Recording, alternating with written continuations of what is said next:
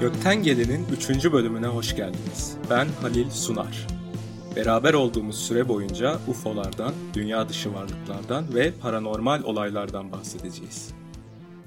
Önceki bölümde, ikinci bölümde bilinen uzaylı türlerinden bahsetmiştik. Bu varlıkların aslında yeni misafirlerimiz olmadığını, bazılarının yüzlerce, bazılarının ise binlerce yıldır dünyayı ziyaret ettiklerini söylemiştik.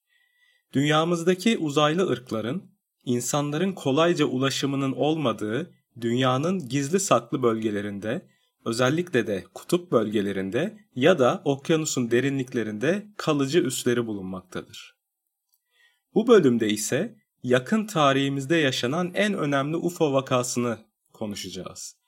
Çünkü şu an sahip olduğumuz birçok teknoloji, elinizde tuttuğunuz telefonda dahil ya da karşısında oturduğunuz bilgisayar, televizyon vesaire bu teknolojilerin birçoğunu bu olayda düşen UFO'lardan çıkarılan dünya dışı ekipmanlara borçluyuz.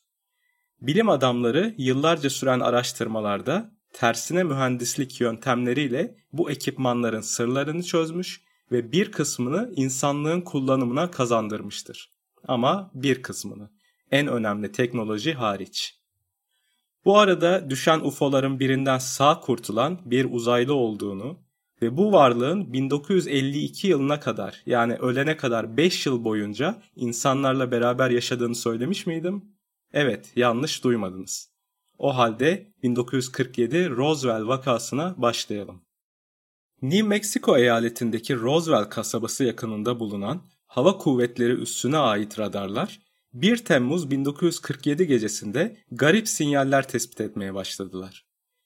Radarlar tarafından tespit edilen bu araçlar muazzam hızlarda seyahat ediyor ve bilinen hiçbir uçağın yapamayacağı ani manevralarla bir anda yön değiştiriyorlardı. Radar operatörleri ilk başta radarın bozulmuş olabileceğini düşünüp bazı testler yapmışlar fakat radarda hiçbir aksaklık ve hiçbir hata bulamamışlardır. Bununla birlikte nispeten yakın bir bölgede bulunan başka bir askeri üs ile de bağlantıya geçilmiş ve onların radarlarında da aynı cisimlerin görüldüğü teyit edilmiştir. Bu radar hadiseleri sonraki günlerde de artarak devam etmiş ve hava kuvvetlerini tam teyakkuz haline geçirmiştir. Derken 4 Temmuz 1947 gecesi çok şiddetli bir fırtınanın yaşandığı bir gecede bu arada not olarak düşelim bu New Mexico'nun bu bölgesi tamamen e, işte çöllerden oluşan bir coğrafya ve konumundan, yapısından dolayı iklimin sert olduğu, her an fırtınaların, şiddetli hava olaylarının yaşanabildiği bir yer. Bu aklımızda bulunsun. 4 Temmuz 1947 gecesi şiddetli bir fırtınanın yaşandığı bir gecede bu UFO'lardan ikisinin havada birbirine çarparak farklı noktalara doğru düşmeye başladıkları hem birçok asker hem de Roswell kasabasında yaşayan insanlar tarafından görülmüştür. UFO'ların birinin Roswell kasabasının yakınında bulunan Corona kasabası yönüne doğru irtifa kaybettiği rapor edilirken, ikinci UFO'nun enkazı çok daha sonraları yaklaşık 250 kilometre uzaklıktaki Magdalena bölgesinde bulunmuştur.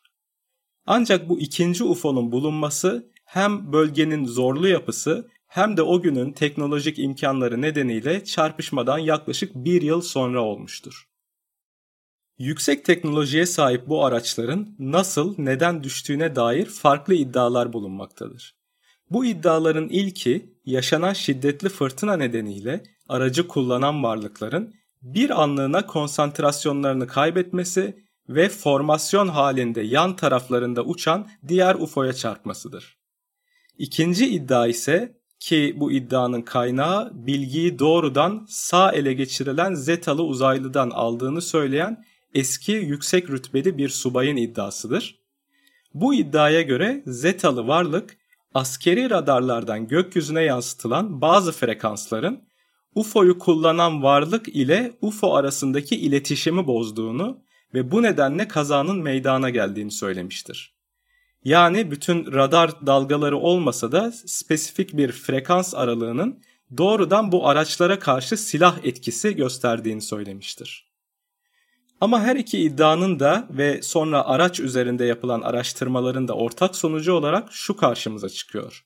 Bu araçlar bizim dünyada bildiğimiz gibi bir direksiyonla ya da bir kolla vesaire değil, aracı kullanan varlığın parmaklarını bir panelin üzerine koyarak araçla bütünleşmesi ve kendi beyin gücüyle araca yön vermesi prensibiyle hareket etmektedir. Yani hareket esnasında UFO'nun kendisi ve içinde seyahat eden varlıklar bir bütün haline geliyorlar. Uzaylı varlıklar aracın bir parçası gibi oluyorlar yani. Araçların yere doğru çakıldığını gördükten sonra askeri bir ekip derhal kamyonlara bindirilerek korona yönüne doğru hareket etmiştir. Bir müddet sonra enkaz bölgesine ulaştıklarında ise karşılaştıkları manzara şu şekildedir. Oval bir şekle sahip yani daha önce söylemiştik bilinen klasik disk şeklinde değil, daha çok tabiri caizse bir yumurtaya benzeyen bir UFO bu. Oval şekilli, parlak gri renkli bir UFO küçük bir kum tepesine çakılmış vaziyette, burun üstü çakılıp arka tarafı havada kalmış vaziyette bulunmuştur. Her ne kadar çarpmanın etkisiyle sağda solda enkaz kalıntıları olsa da UFO genel olarak tek parça halinde kalmıştır. Üç tanesi UFO'nun hemen dibinde, ikisi ise biraz ileride olmak üzere beş tane cesedin yanı sıra yakınlardaki bir kayanın arkasına saklanmış vaziyette bulunan bir diğer varlık ise sağ olarak bulunmuştur. Görgü tanıklarından birisi sağ kalan bu varlığın herhangi bir ses çıkarmadığını ancak göz göze geldiklerinde varlığın hissettiği acı ve korku duygularını telepatik olarak kendisinin de beyninin içerisinde hissettiğini söylemiştir. Kaza alanı ve yakınlarında bulunan yollar derhal askerler tarafından kapatılarak sivillerin geçişi engellenmiştir.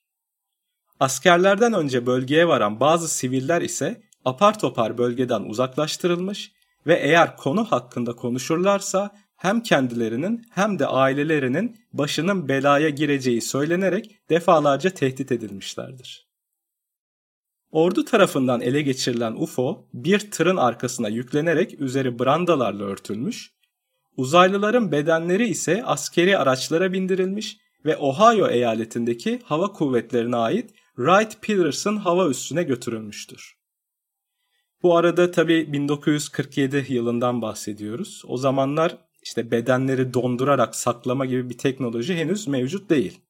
O yüzden askeri yetkililer işte bölgedeki cenaze evlerini arayarak üstü kapalı bir şekilde tabi gizli bir şekilde işte bedenlerin hangi solüsyon içerisinde saklanırsa bozulmadan daha uzun ömürlü olabileceğine dair bilgiler almaya çalışmışlar.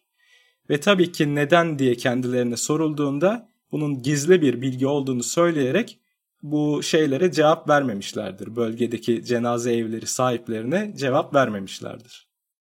Wright Peterson'a götürülen griler ya da zetalılar üzerinde askeri doktorlar tarafından otopsi yapılmıştır.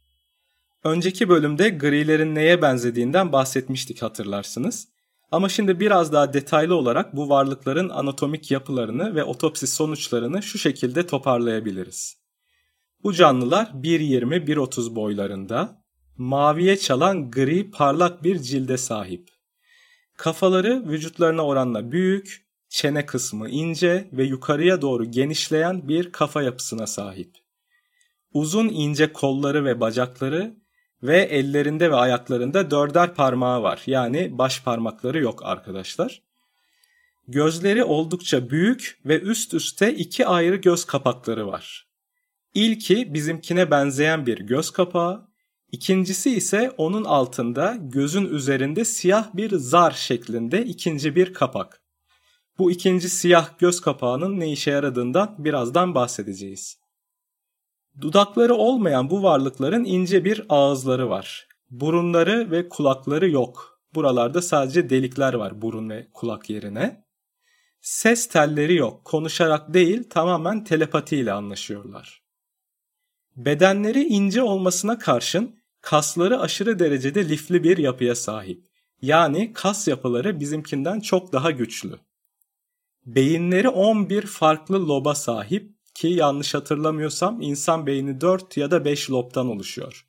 Bu varlıkların beyinleri 11 farklı loba sahip. Ve gözlerinden gelen sinir uçlarının bir her biri beyinlerinin farklı bir bölgesine gidiyor. Yani gözleri ile beyinleri arasında anlaşılamayan bir ilişki var. Akciğerleri ve kalpleri birleşik tek bir organ şeklinde. Bizim gibi bir tane değil, küçük küçük birkaç tane mideye sahipler. Büyük ihtimal farklı gezegenlerde buldukları işte her bir besin çeşidini ne göre farklı bir mideye sahip bu varlıklar. Gelelim hayatta kalan uzaylıya. Ölen arkadaşlarıyla beraber o da Wright Peterson üstüne götürülmüştür. Askeri yetkililer kim olduğunu bilmedikleri bu canlıya EBE-1 yani EB-1 adını vermişlerdir. EBE'nin açılımı Extraterrestrial Biological Entity yani dünya dışı biyolojik varlık demektir bu arada. Ses telleri olmayan bu canlıyla ilk zamanlarda hiçbir şekilde iletişime geçmek mümkün olmamıştır. Fakat daha sonra bakıcı olarak adlandırılan bir subay 724 EB1 ile ilgilenmek üzere görevlendirilmiştir. Bu subay aynı zamanda dil bilimci olup bu özelliği nedeniyle bu varlıkla iletişime geçebilmesi için özel olarak seçilmiştir. Bakıcı subay uzaylı varlık ile aralarında önce basit bir işaret dili geliştirmiş fakat ardından yavaş yavaş telepati ile anlaşmaya başlamışlardır. Şimdi diyebilirsiniz ki bu varlık konuşamıyorsa işte telepatide hangi dille anlaşıyorlar diye sorabilirsiniz. Cevap hiçbir dilde arkadaşlar. Beyninize gönderilen görüntüler görüyorsunuz telepati sırasında ve bu görüntülerden bir sonuç çıkararak anlaşıyorsunuz. Yani mesela bu varlık su içmek istiyorsa sizin beyninize bir bardak su görüntüsü gönderiyor ve siz de onun susadığını anlıyorsunuz gibi. EB1 5 yıl yani 1952 yılına kadar yaşamıştır. Yaşadığı müddet içerisinde insanlara birçok teknolojinin nasıl çalıştığını öğretmiş, hem kendi ana vatanı olan Zeta Reticuli takım yıldızındaki Serpo gezegeni hakkında hem de uzayın diğer bölgelerinde bildikleri gezegenler ve ırklarla alakalı oldukça önemli bilgiler öğretmiştir. Ayrıca kendilerinin de binlerce yıldır dünyayı düzenli olarak ziyaret ettiklerinden bahsetmiştir. Ibiva'nın ölüm nedeni hakkında bilgi bulunmuyor ama eceliyle öldüğü biliniyor. Benim tamamen şahsi fikrim dünya atmosferinin yapısı, bizim soluduğumuz havanın içeriği bu varlıkların çok uzun süre yeryüzünde kalması için müsait değil. Yani soluduğu hava ömrünü büyük ölçüde kısaltmış olmalı diye tahmin ediyorum. Evet şimdi gelelim Roswell kazasından elde edilen teknolojilere. Bütün bu operasyonun başında bulunan Kor General Arthur Trudeau ve Albay Philip Corso önderliğindeki bir ekip UFO'nun içerisinden çıkarılan parçaları defalarca incelemiş ancak ne oldukları ve ne işe yaradıkları hakkında başlarda fikir sahibi olamamışlardır. Bu teknolojilerin çözülmesi ve tersine mühendislik yapılarak insanların kullanımına sunulması, kazandırılması yıllar sürmüştür arkadaşlar. Roswell kazasından elde edilen teknolojilerden ilki bilgisayar çipidir. Hatta bazı bilim adamları işte eğer bu kaza gerçekleşmeseydi insanların kendi kendilerine silikon teknolojisini, bilgisayar teknolojisini bulmalarının en az 150 yıl daha süreceğini söylemişlerdir. Yani 150 yıl daha gecikmeli olurdu bu olay. Bu bilgisayar çipinin çalışma prensibi oldukça karışık. Şimdi ona giremeyiz, bayağı uzun sürer. Ama kabaca özetlemek gerekirse silikon madde üzerinden elektronların kontrollü bir şekilde hareket ettirilmesi ve bu hareketlerin kodlar haline dönüştürülmesi prensibine dayanıyor. YouTube'da videoları var izlemek isterseniz işte bir bilgisayar çipi nasıl çalışır diye. Ama oldukça karışık yani dediğim gibi. Hatta ben birkaç kere izledikten sonra hani kabaca anladım işlemcilerin nasıl çalıştığını diyebilirim. Kısacası demek istediğim daha bu Roswell olayından 20 yıl 30 yıl önce hala atlara at arabalarına binip seyahat eden insanların 1940'lı yıllarda bu denli bir teknolojiyi icat etmeleri zaten mümkün değildi. Sonraki yıllarda işte 1950'li 60'lı yıllardaki teknolojik sıçramalara baktığımızda zaten dışarıdan bir müdahalenin olduğu çok açıktır. Elde edilen ikinci teknoloji ise lazer. Lazer teknolojisi ilk olarak bu UFO'nun içerisinde bulunmuş. Hatta Albay Corso eline alıp incelediği bu cihazı fener zannetmiştir, el feneri zannetmiştir. Yıllar süren çalışmaların ve deneylerin ardından ne olduğu sonunda anlaşılmış ve nihayet 1960'lı yıllarda insanlık lazer teknolojisine kavuşmuştur. Lazer teknolojisi günümüzde hani sadece askeri olarak düşünmeyin, sanayinin birçok alanında, teknolojik cihazlarda ve hatta tıbbi uygulamalarda yaygın olarak kullanılan oldukça faydalı bir teknolojidir. Kullanım alanı bayağı büyük yani insanlığa kazandırılması gerçekten güzel olmuş.